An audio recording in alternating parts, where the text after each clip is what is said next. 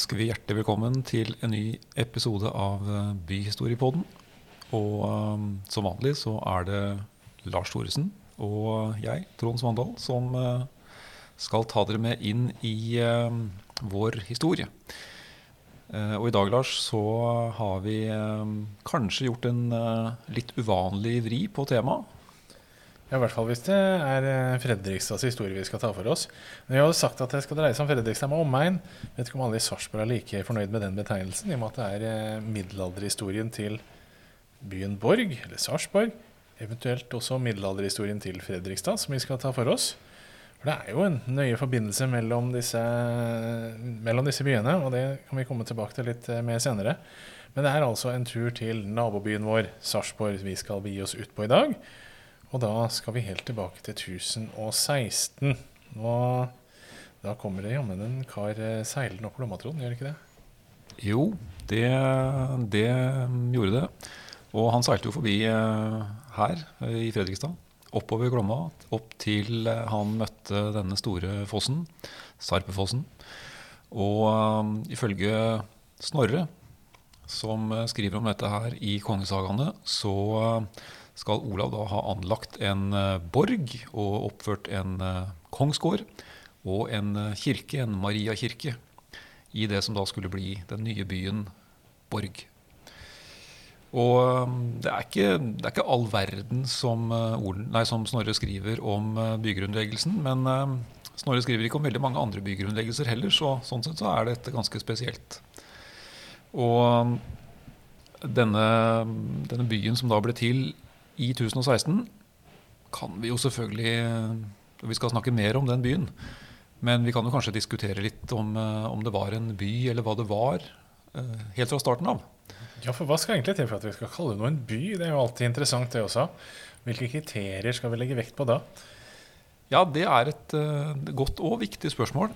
Som regel så sier vi jo gjerne at byer opp gjennom historien det har vært sentrum for handel, kjøp og salg av varer, og gjerne også en viss administrativ funksjon. Ofte kan det også ligge på litt religiøse funksjonaliteter også. Altså, ofte flere sånne ting man gjerne ser på som kriterier eh, når man skal avgjøre noe kan kalles en by. Men helt minimum permanent bosetting på en handelsplass er i hvert fall et absolutt minimum. Og det har jo vært noe i Sarpsborg før også, før byen blir borg. Det, ikke, det, starter jo ikke helt i et vakuum når Olav den hellige, eller Olav Haraldsson som han da foreløpig heter, kommer hit i 1016. Eh, det har vært noe her tidligere òg. Det har absolutt vært noe tidligere. Og han kom jo til et, eh, et rikt område. Eh, det var jo et eh, altså, søndre del av Østfold, og ikke minst områdene her ved utløpet av Glomma var jo et rikt jordbruksdistrikt. Og det hadde vært i hundrevis, ja, i tusenvis av år. Her har det vært stor bosetning helt fra bronsealderen. Og det er nok god grunn til å tro at det var et et tidligere ja, høvdingdømme, eller kanskje småkongedømme, som hadde hatt sentrum i nærheten av elveutløpet. Eh, det, vært, det, er noen teorier om at det kanskje har ligget ved Alvim, Alfheim, er et begrep som vi også ser nevnt. og Det er nok grunn til å tro det. Vi har ikke funnet akkurat uh, Det er ikke funnet arkeologiske spor etter noen handelsplass. Men det kan det ha vært. Men det vi jo har, i stor mengde rundt på begge sider av fossen, det er jo enorme gravfelt fra bronsealderen og jernalderen. Og det er jo et område som er spekka med, med fornminner og arkeologiske spor og funn. Så dette var uh, helt åpenbart sentrum, et viktig sentrum også lenge før Olav kommer. Og det er jo ikke uten grunn at han velger å komme hit og etablere da en borg og, og by akkurat der ved fossen. Ja, Har det ikke vært et lite område som kalles for Buene, hvor det også har vært en del handelsvirksomhet før Olav den hellige kommer til området her? Jo, det er det litt sør for, eh, for dagens sentrum, altså ned mot der hvor Glomma gjør en sving.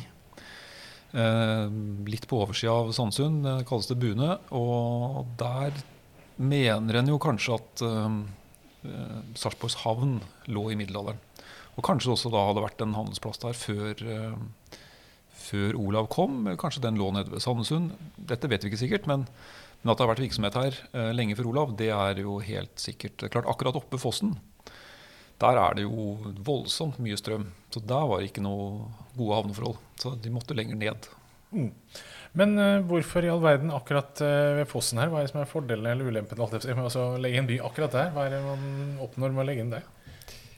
Jeg tror nok uh, Olav har tenkt strategisk og militært. og det Snorre sier først og fremst, er jo at han anla en borg. og det det var nok en borgtype som, eh, som vikingene ofte anla. Altså og det har vi jo spor av fremdeles. En, en jordvoll, en, uh, sannsynligvis med en palisade på toppen. Og uh, innafor der så lå det da en kongsgård, kanskje den også befesta. Uh, og en kirke og en, en viss da, bybebyggelse. Eller i hvert fall en bebyggelse som var mer eller mindre permanent. Mm. Men for Olav så kan vi nok se for oss at dette først og fremst var et et borganlegg, et militært støttepunkt i en del av Norge som han da i 1016 ikke hadde spesielt god kontroll over. For Det er jo litt viktigere å se på Olav den hellige, eller Olav Haraldsson som han uh, heter. Uh, hva i all verden driver han med her? Er, hvorfor er han akkurat her? Og hva er målet hans med dette her? Det er, jo, det er litt viktig å få fram. For han er jo ingen, ingen hvem som helst i norsk historie.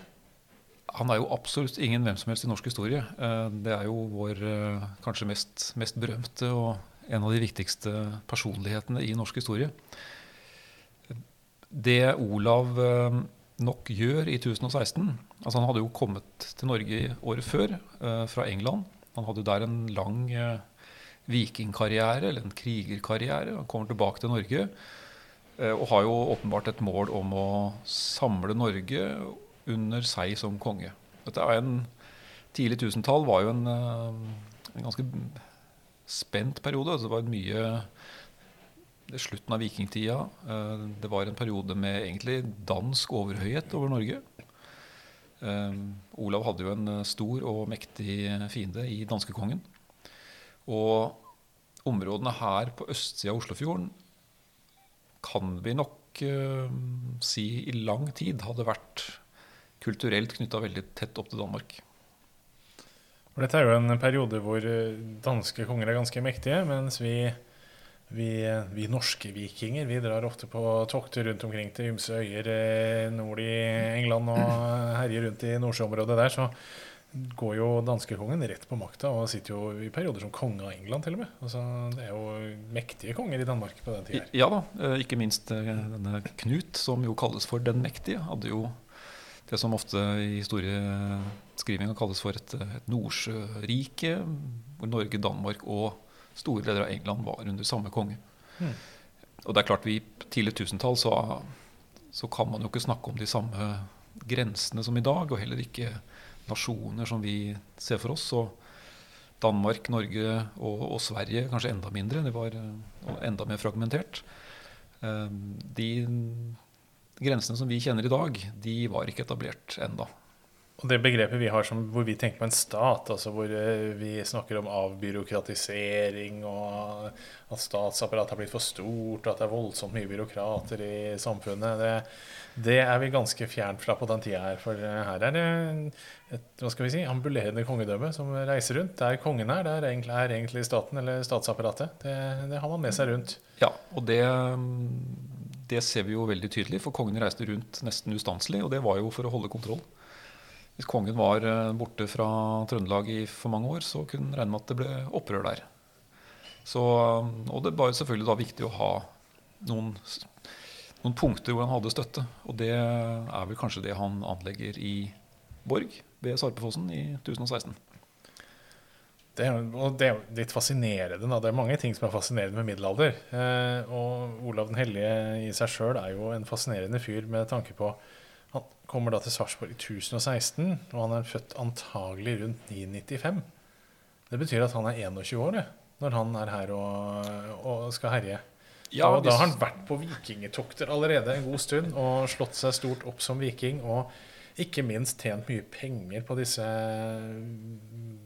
plyndringstoktene sine. Det er jo det som er noe greia her, at mange som skulle gjøre det godt i Norge og skaffe seg makt i Norge, skaffer seg penger, midler, allierte ved, ved altså, å gjøre vikingtokter. Og så fortsetter man da kampen for makt i Norge etterpå med de, de midlene man har klart å hente i utlandet.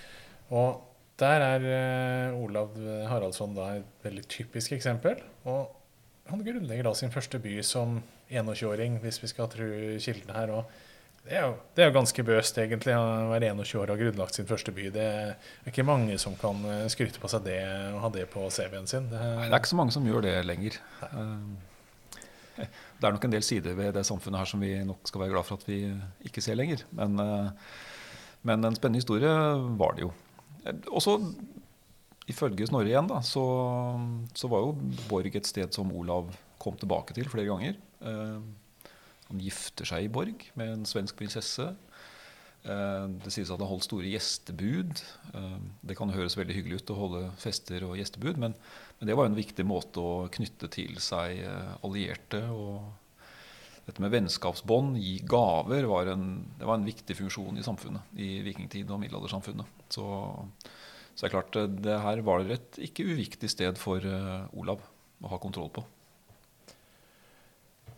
Ja, det er liksom starten på Borg. Og hva slags by er det egentlig dette blir, da, hvis vi uh, går videre utover 1000- og 1100-tallet? Hva for dimensjoner er det vi kan snakke om da, på en by her? Det sies i sagaen uh, at det stikkes ut tomter i denne nye byen. Og at det blir eh, bønder i distriktet skal eh, bli flytta dit. Det er noen sånn formulering.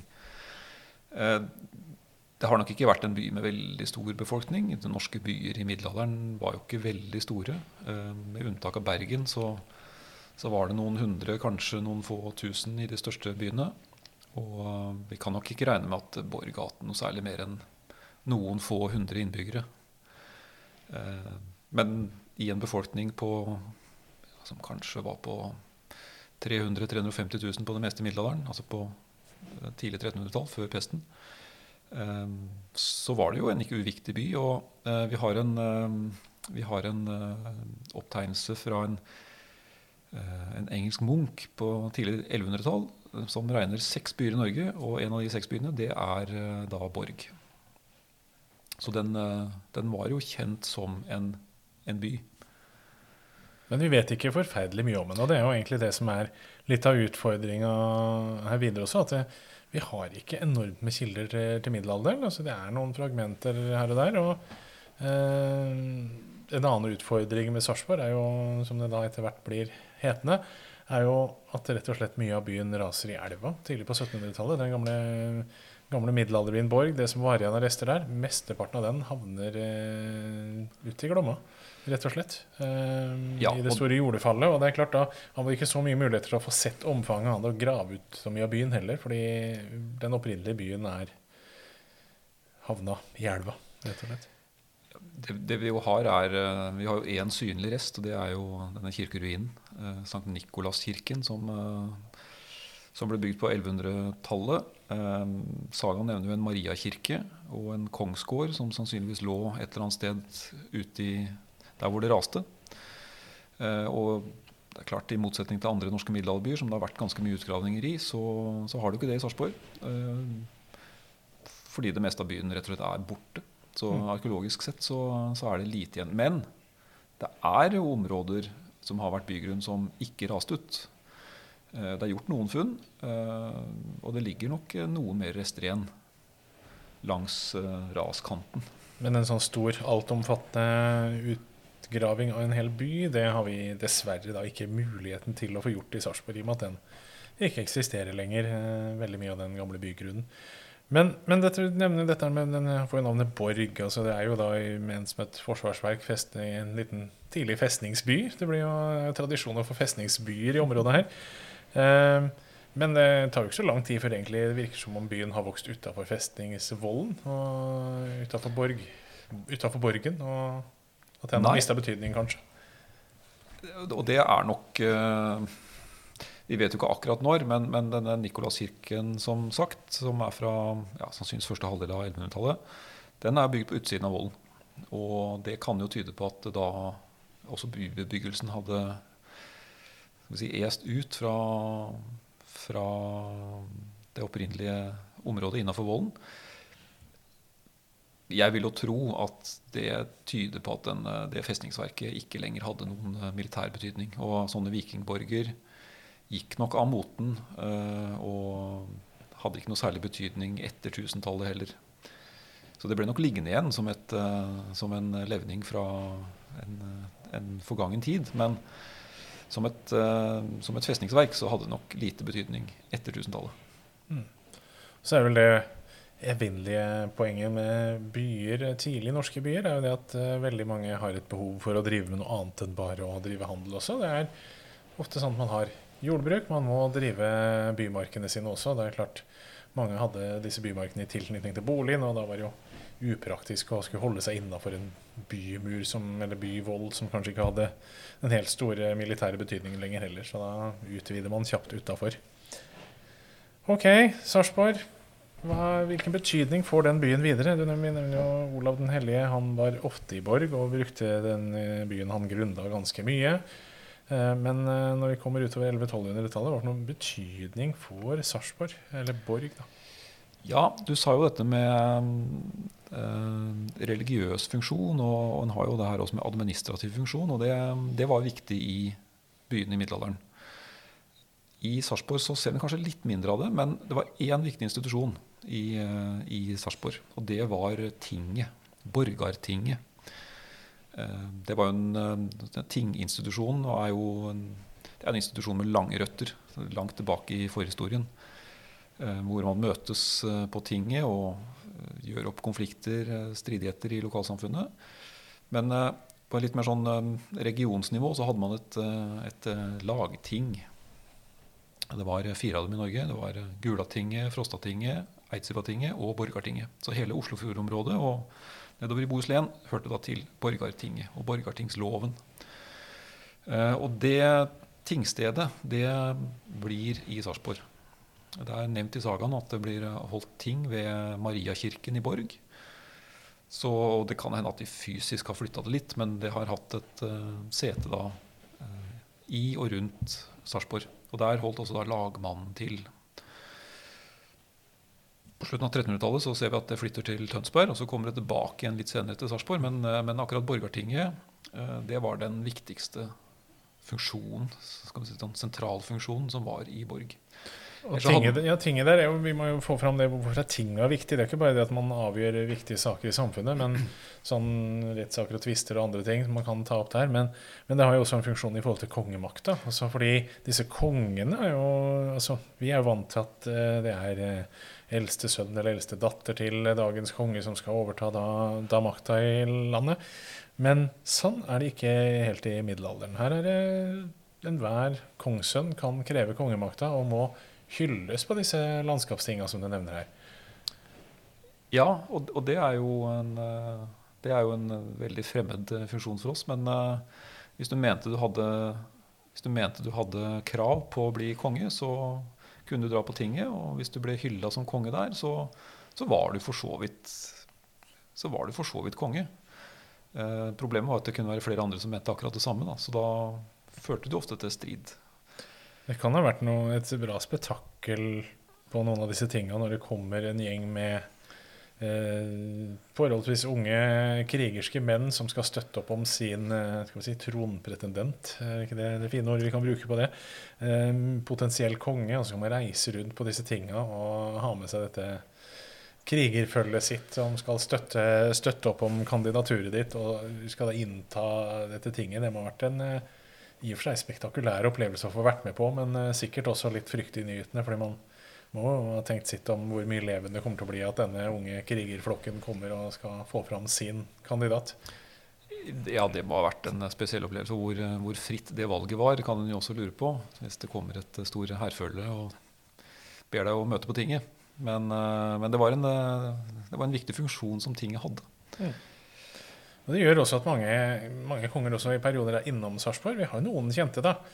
Eh, kanskje særlig én som er eh, en episode som er veldig kjent etter eh, Olav Haraldsson. Og det er jo det, det skjer noe tidlig på 1200-tallet. Sommeren 1203 så er det en romanse som har gitt oss, eh, ja, for dem som har et anstrengt forhold til, eh, sykkelshortser og svette menn med kondomdresser på sykkel, så, det, så, kan det her være utfordrende å høre om. Men uh, jeg har faktisk litt av skylda for Birkebeinerrenna, uh, Rita. Faktisk. Ja da. Det er både, både vinter og sommer i dag, så, så er det mange som følger i sporet der. Nei, det er jo, det er jo den ikke, ikke ubetydelige kongen Håkon Håkonsson som Vi kan ikke si at han ble født i Sarpsborg, men han ble vel, han ble vel unnfanga i Sarpsborg.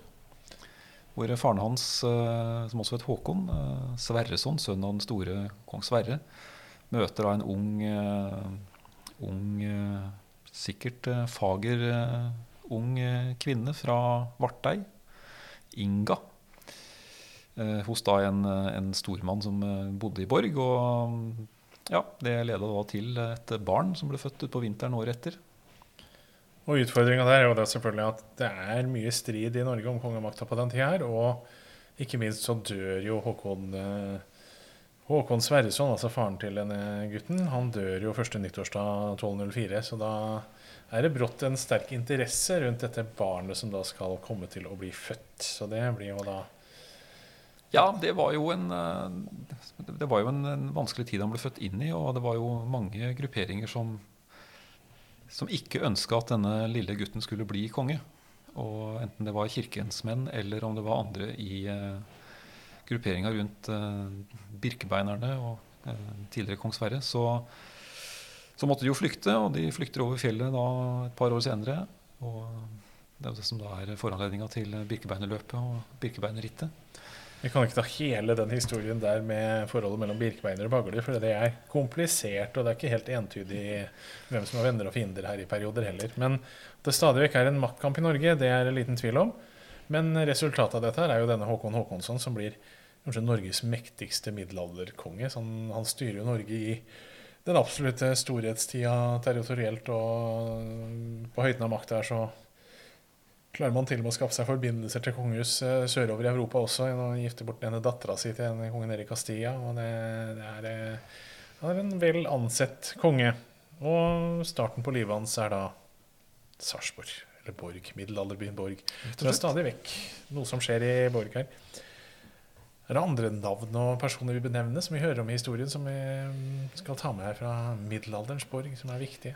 Ja, vi har jo, eh, vi har jo noen eh, En er jo en eh, Ja, hva skal vi kalle den? En, han har ofte blitt kalt for røver eller sjørøver. En, alternativt greven av Sarpsborg? Alternativt uh, Alv Erlingsson. Som jo også har en uh, ikke ubetydelig plass i Fredrikstads uh, historier om, om, sin egen historie. Mm. Den Men, som følger med litt på Fredrikstads historie, vet jo at årboka til museet i Fredrikstad heter jo Mindre Alv. Så den har jo spiller jo da på Alv Erlingsson, som også skal ha hatt et forhold til Isegran. Og også eh, Valdis Holm kan han ha holdt det på, men trolig så har han hatt uh, sete kanskje i Sarpsborg, eller Borg, da jo i hvert fall god grunn til å tro at han har hatt en nær tilknytning til Sarpsborg. For der lå den gamle kongsgården, altså som fremdeles da på Alvs tid på 1280-tallet var uh, kongsgård.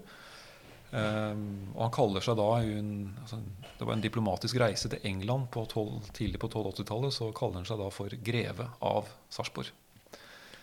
Fint skal det være. Rett og slett. Uh, og han var, han var jarl. Han var en svært mektig mann i Norge. Og han hadde da sitt jarledømme da, i det som, eh, som, jo vi kjenner som Østfold. Men så faller det i unåde, for det var kanskje ikke så lurt. Han skal ha eh, tatt og henretta en av kongens viktige menn, den navnkunnige Halvkjell Krøkedans. Det er et av de mer navn. fantastiske navnene i middelalderhistorien. Skal da ha blitt henretta på Isegran, intet mer eller mindre? Nei, eh, etter da det som fortelles om et angrep på Oslo, hvor Alf skal ha brent ned hele Oslo. Eh, og tatt med seg denne stakkars Hallkjell tilbake og henrettet han på, på Isegran. Veldig dramatisk historie, og det endte da selvfølgelig med at han falt i unåde og blir jo landsforvist. Ja, Han må vel rømme, rett og slett. Han er jo, blir jo ettersøkt og rømmer vel rundt omkring borti Østersjøområdet og blir jo til slutt innhenta og lider vel ikke akkurat den mest hyggelige døden til slutt? Noe, Nei, på, det på jul, steile og hjul? på steil steile og hjul. Eh, Det var ikke noen hyggelig måte å, å dø på. Den som trenger mer inngående beskrivelse av hva det vil si, kan jo kanskje google det. Jeg vet ikke om vi skal utsette folk for så sterke scener. her. Vi trenger ikke å si noe mer om det. Nei, men eh, barbarisk er vel eh, ordet. Ok, men, eh, Men vi må tilbake til Sarpsborg. tilbake til Sarpsborg. Vi kan ikke bare kose oss med barbariske avstraffelsesmetoder. Vi må, vi må tilbake til Sarpsborg. Da har vi kommet godt ut på 1200-tallet, nærmer oss 1300-tallet. også. Hva, hva, hvordan går det med denne byen videre her? Ja, det er et uh, interessant spørsmål, egentlig. For eh, vi er jo nå inne i det som jo er kjent som Norges store storhetstid i middelalderen. 12, tidlig 1300-tall, som er høymiddelalderen. Og det var nok en, eh, det var nok en eh, ja, det var en handelsby eh, av en viss størrelse, nok ikke veldig stor. Eh, Så kan vi nok ane utover 1300-tallet Vi har ikke mye kilder, det skal sies. eh, Men det er nok ting som tyder på at eh, den kan ha blitt eh, til en viss grad utkonkurrert av andre byer i, eh, i eh, regionen, ikke minst Tønsberg på andre sida av fjorden, som jo var en, også en ganske stor og viktig middelalderby. Der lå den store borgen, bl.a. Tunsberghus. Eh, også byene nedover eh, Bohuslenkysten. Eh, eh, ikke minst Kong Helle, helt nede ved Jøtaelv, var viktige byer også. Eh, og en grunn til at vi kan si at Sarpsborg kanskje ikke har vokst veldig, at vi har, eh, vi har få kirker. Det er to kirker i byen, så det, så det var ikke ubetydelig. Det er ingen klostre. Det er den eneste norske middelalderbyen som ikke hadde et kloster. Men den hadde denne tinginstitusjonen, men den flytter også til Tønsberg. Sannsynligvis andre halvdel av 1300-tallet. Så, så det kan jo hende at vi, eh, vi skimter en eh, nedgangstid Mm. i, i den perioden. Og så kommer jo pesten, som rammer hardt. Og området Østfold, eh, Borgarsysla som det het den gang, var prega av ganske store gårder, sterk adel, men ikke så veldig prega av eh, byer og den type handel. Så det kan være noen, noen årsaker her som vi ikke helt vet, som gjorde at man var i en, en viss nedgangstid på 1300-tallet. Så det var kanskje ikke den beste perioden for Sarpsborg. Eh, samtidig så vet vi jo litt om byen, altså det som skjer rundt. Du nevner store gårder. altså 1319 er jo i og for seg et merkeår i historien oppe ved Fossen. Eh, hvor Haftor Jonsson får eh, rettighetene til Borregaard og Hafslund. det begynner å bli tydelig markert i historiegården også, at vi vet litt mer om dem. Ja, eh, overgangen fra kongsgård til adelsgård er jo, er jo viktig. Og denne Haftor Jonsson som nevner, var jo en, en av de mektigste menn i Norge på tidlig 1300-tall. Blir eh, Og får da Borregaard, og for så vidt det som blir Hafslundgodset også. Rettighetene til Fossen, som skulle bli veldig viktig etter hvert. Eh, han hadde jo masse andre storgårder på Østlandet også. Så, så Haftor Jonsson og sønnene hans igjen var, eh, var viktig og er toppsjiktet av norsk adel på 1300-tallet. Og Det kan jo på en måte si er som starten på Østfold som herregårdsfylke også. Og det er jo en utfordring for byen senere, at man har en herregård omtrent inne i byen, nesten. Det har det nok vært. Eh, Det er en historie vi ikke kjenner så veldig godt til. Men det at Borregaard, den opprinnelige herregården, som nå, som nå har flytta etter dette store raset, den lå jo faktisk kloss inntil, eller inne i byen. Og det er klart det har vært, må ha vært en utfordring eh, for eh, de som skulle drive og styre og stelle denne byen. Men det tar seg opp igjen da, etter hvert. Altså, utover 1400-tallet så kommer byen seg litt opp av bølgedalen. Um, og da skjer det noe bl.a. med byprivilegier utover eh, 1400-tallet. 1460 kommer det nye byprivilegier som man får. Flere byer får byprivilegier som blir fornya. Og da blir det litt oppgangstider igjen. Ja, det er i hvert fall ting som tyder på at som siste halvdel av 1400-tallet, så er det, da er det ting som skjer. Vi har nok noe mer kilder bevart også, så, så det kan ha en sammenheng med det. Men som, som du sier, man får byprivilegier i 1460 av Kristian 1. Eh, Det er en mer en sånn strukturering av byene eh, rundt omkring. Man, og disse privilegiene gir jo da rettigheter til handel. og eh, Det var et ønske fra kongen om at skulle, byene skulle styrkes. Og vi kjenner da til at det var en god del handel, eksporthandel, med forskjellige typer varer. Eh, skinn var en ikke uviktig eksportartikkel. Tauverk, tjære. Eh, vi vet også at det ble eksportert jern fra Sarpsborg, Mm. som kom fra Sverige.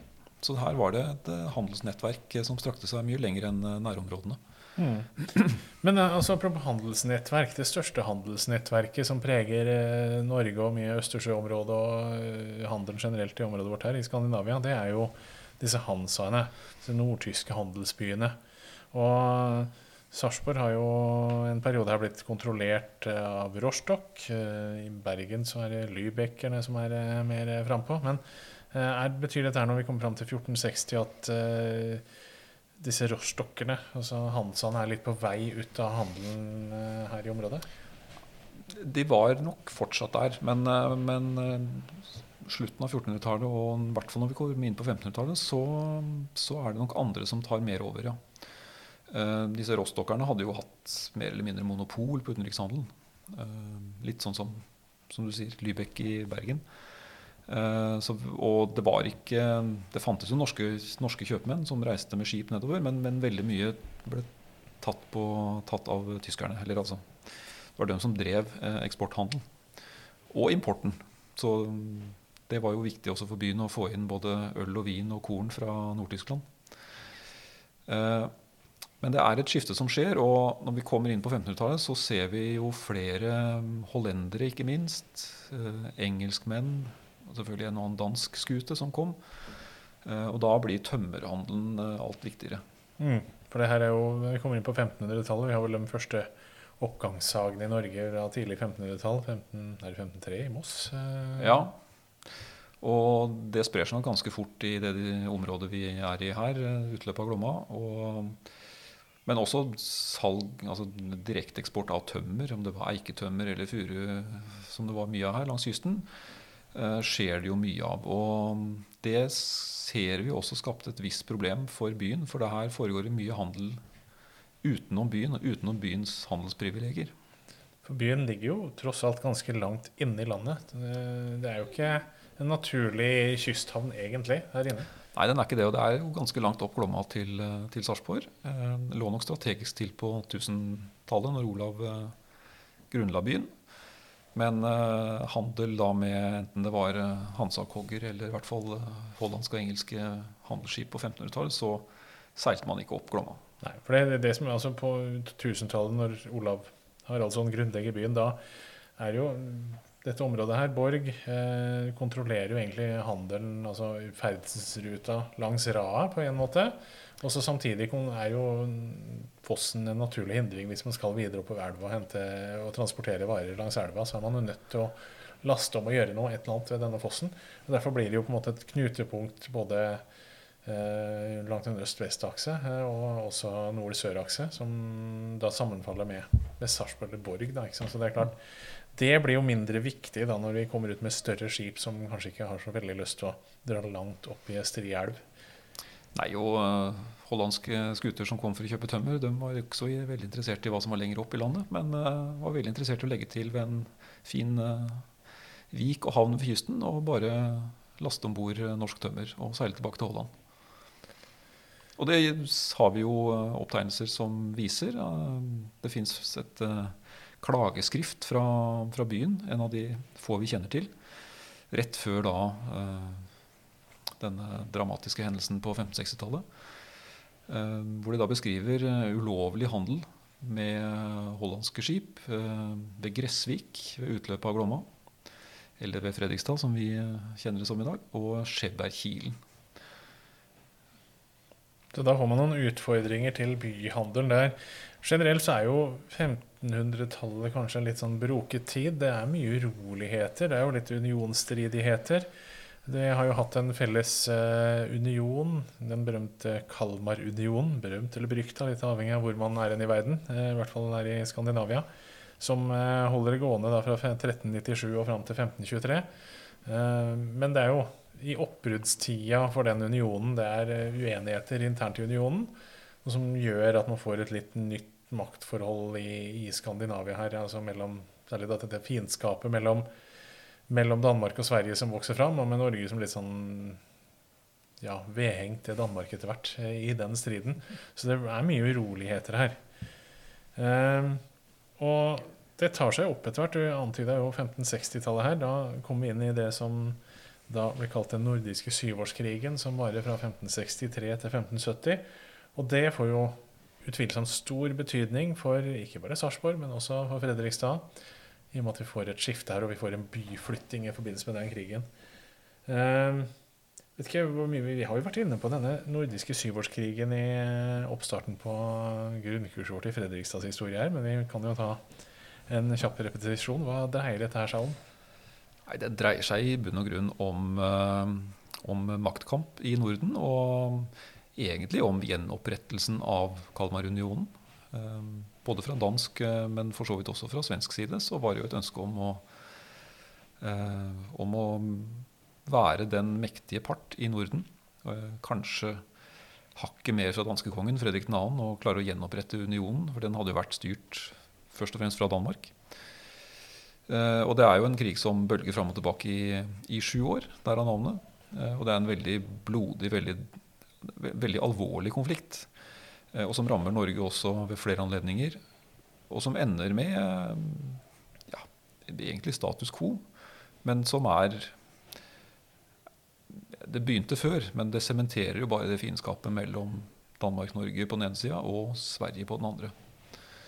Um, og ender da selvfølgelig med nedbrenning av gamle middelalderbyen Sarpsborg, eller Borg, i 1567. Eh, Hvordan disse byborgerne drar, sender sine representanter til København og ber om å få flytte byen sin lenger sørover langs Glomma.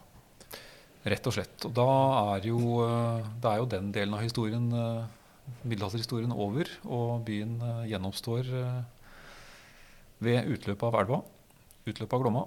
Som, ja, den gjennomstår jo som Sarpsborg ja, det er jo de samme byborgerne, det er jo de samme handelsprivilegiene. Det er jo, det er, jo, det er nesten sånn gresk tilsnitt over dette her. altså Disse gamle greske bystatene var jo liksom Det var jo borgerne som var bystaten som var polis i de gamle greske områdene. Og her eh, gjør man det samme. Man tar med seg borgerne og flytter byen sin en del kilometer sørover. Ja, og um, de kalte den da Sarpsborg. Eh, og så går det en, kort tid, og så får den jo da et nytt navn, Fredrikstad. men vi kan jo diskutere om, eh, om, det var en ny by eller ikke. Og den gamle bygrunnen blir jo hetende Gamlebyen. Og blir jo ikke da skilt ut fra Fredrikstad før eh, på 1820-tallet. Ja. Og man eh, og i utenlandske tollregistre og sånn, så, så, er det jo ikke alle steder man registrerer at byen helt tatt bytter navn heller. Man refererer jo til den som Salzburg eller Selseborg eller sånn til langt inn på 1600-tallet noen steder. Ja, og det, det, sier nok litt om hvordan byen ble oppfatta utafor byen også. Så, og hva man har tenkt, og hvordan man har tenkt rundt sin egen by i byen, det vet vi ikke, for det er ikke så mange som har skrevet noe om. Men eh, det ble nok oppfatta, tror jeg, av mange eh, som, som, den samme byen. Det var jo de samme menneskene, som du sier. Ja, da har vi kommet oss gjennom middelalderhistorien til Sarpsborg eller Fredrikstad? Hva skal vi si? Det er det. Det er, evig, det, er det store spørsmålet. Vanskelig diskusjon. Eh, men Fredrikstad fortsetter i hvert fall mer eller altså viderefører Sarpsborg eh, noen kilometer sørover. Og holder det gående helt inn til eh, 1839, hvor vi får en ny twist her hvor Sarpsborg gjenopprettes. Så får vi ta diskusjonen om eh, hvem som egentlig viderefører middelalderhistorien. Det er jo Fredrikstad som egentlig har en eh, lange eh, historiske linje her. Da. Det er liksom middelalderbyen Sarpsborg vært eh, videreført ved utløpet av Globba i, i noen par hundre år. Og så plutselig så gjenoppstår en by ved, ved fossen igjen. Det, det, er ikke så mange sånne Vi har ikke så mange sammenlignbare tilfeller å hente noe fasitsvar på hvordan man skal løse dette her, og hvordan man skal definere eierskapet til middelalderhistorien her. Nei, vi har ikke det. det er en, eh, dette er jo en interessant eh, historie. Og vi får vel si at de som ønsker å, som ønsker å vite mer om hva som skjedde opp mot det, kan jo, kan jo klikke seg inn på grunnkurset vårt. Og så få med seg historien der. Få med seg historien. Vi ser om vi kanskje kommer tilbake til eh, mer av den moderne historien til Sarpsborg etter hvert. Så får vi se om vi tar opp diskusjonen om eh, Fredrikstad egentlig har en middelalderhistorie eller ikke senere. Det kan jo hende, det òg. Men det var i hvert fall en uh, liten innføring i Sarpsborg og Fredrikstads middelalderhistorie. Dere får stryke det som eventuelt ikke passer i, i din forståelse av disse byene. Og så takker uh, Trond Svandal og jeg for oss igjen, og håper at du har fått litt bedre innsikt i Sarpsborgs historie